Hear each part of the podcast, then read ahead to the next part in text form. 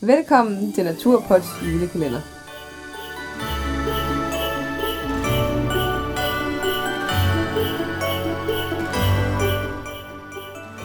I dag er det den 21. december. Ja, velkommen til. Ja.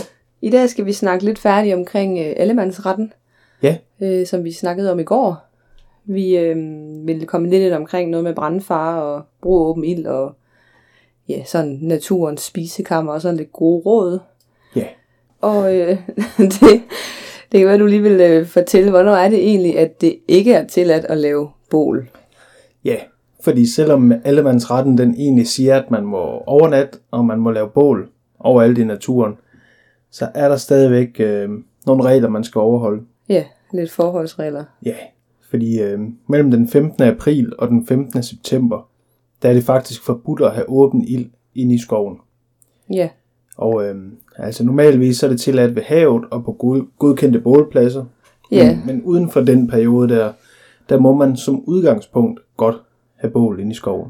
ja og på fjellet skal man nok lige nævne også, Ja, at skov ja, og fjeld, fjeldet. det gælder det samme, ikke? Jo, Så det vil altså sige, at øh, hvis der nu er sådan ekstreme tørkeperioder, som vi jo havde for, ikke i, nu her sommer, men sidste sommer, ja, der var øh, brændingsforbuddet jo n- noget længere end til 15. september.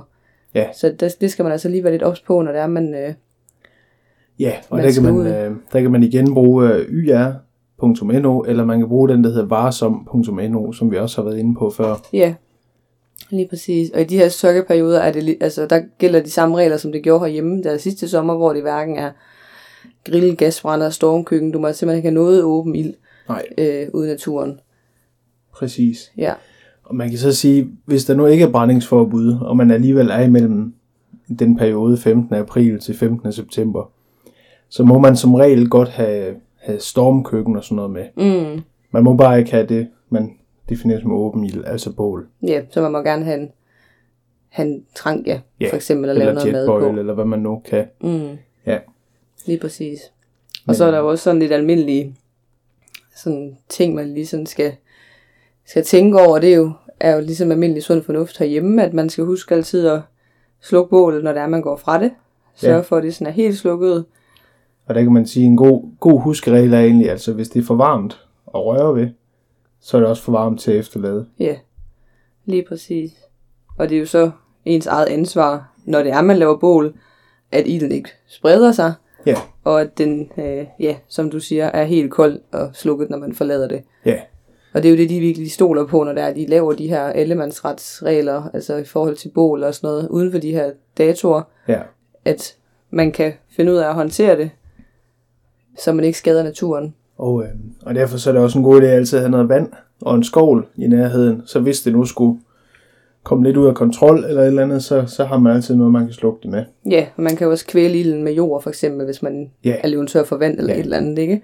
Man skal bare være forberedt, fordi det kan sprede sig lynhurtigt. Mm. Mm. Altså, så det duer ikke, man først skal ud og hente vand og finde sin skovl og sådan noget, Nej, når der er gang i bålet. altid være klar. Ja.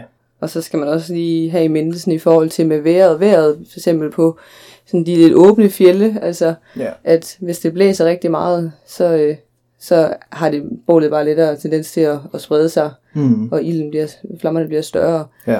Så det skal man jo også tænke lidt på. Ja, man skal I forhold tænke til over, hvor ens man placering. også... Øh, ja, præcis, hvor man placerer bålet henne. Altså, kig, kig på omgivelserne, og er der noget, der, der er særligt nemt ved at brænde og, mm. og sådan noget. Det kan også være en fordel nogle gange at grave bålet ned. Ja, så er det i hvert fald nemmere at styre. Jeg ved også, at der har været snak om på et tidspunkt, at man skulle på fjellene især tænke over hvor, ja, placeringen af bålet, så man ikke laver det på nogle af stenerne, eller stenerne, stenene, Ja, øh, fordi at de godt sådan kan enten springe eller blive porøse, Ja. med, når de bliver rigtig, rigtig varme med bål. ja, Så der er det altså bedst, at man gør det et sted, hvor der ligesom er noget jord under neden, i stedet for op direkte på stenene. og at man måske heller ikke lige gør det oven i nogle, nogle planter, eller øh, altså nogle... Buske Ja, med noget bær. ja. Og når bær så er nævnt, Det er så en flot overgang. så kommer vi videre sådan lidt, om lige, bare lige kort omkring sådan s- naturens spisekammer, ja, hvis man kan kalde det det.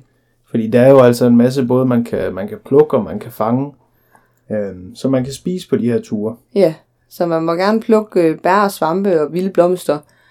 Øhm, Men der er så lige nogle enkelte regler i forhold til muldebær, øh, men det er mest i Nord-Norge, man skal, skal undersøge det, inden man tager afsted. Ja, og så skal man selvfølgelig sætte sig ind i, hvad det er, man plukker, Ja. og hvad det er, man spiser, fordi altså, der er jo meget, meget, der kan spises, men der er også meget, der er giftigt. Og i værste fald, så er der jo meget, der er så giftigt, at man kan dø af det. Ja, lige præcis.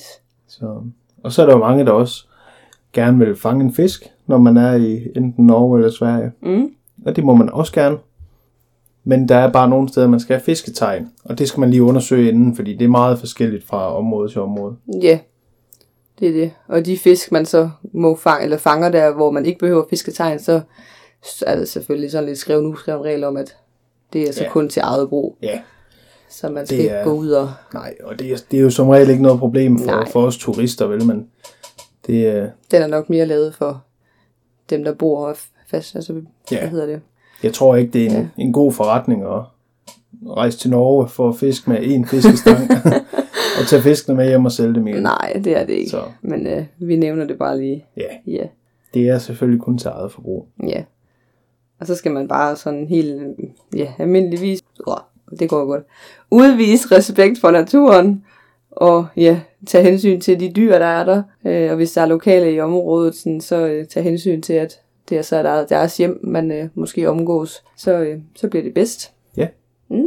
Og så får vi lov til det her i meget længere tid, Det er jo det. end hvis vi misbruger det. Ja, ja det er Det jo var lige, hvad vi havde omkring... Øh, allemandsretten i Norge, Sverige, mest Norge. ja, Det er det der, vi skal hen. Ja. Ja. ja, men det er sådan lidt samme regler. ja. Lyttes ved i morgen. Ja, det gør vi. Hej Hej. hej. hej.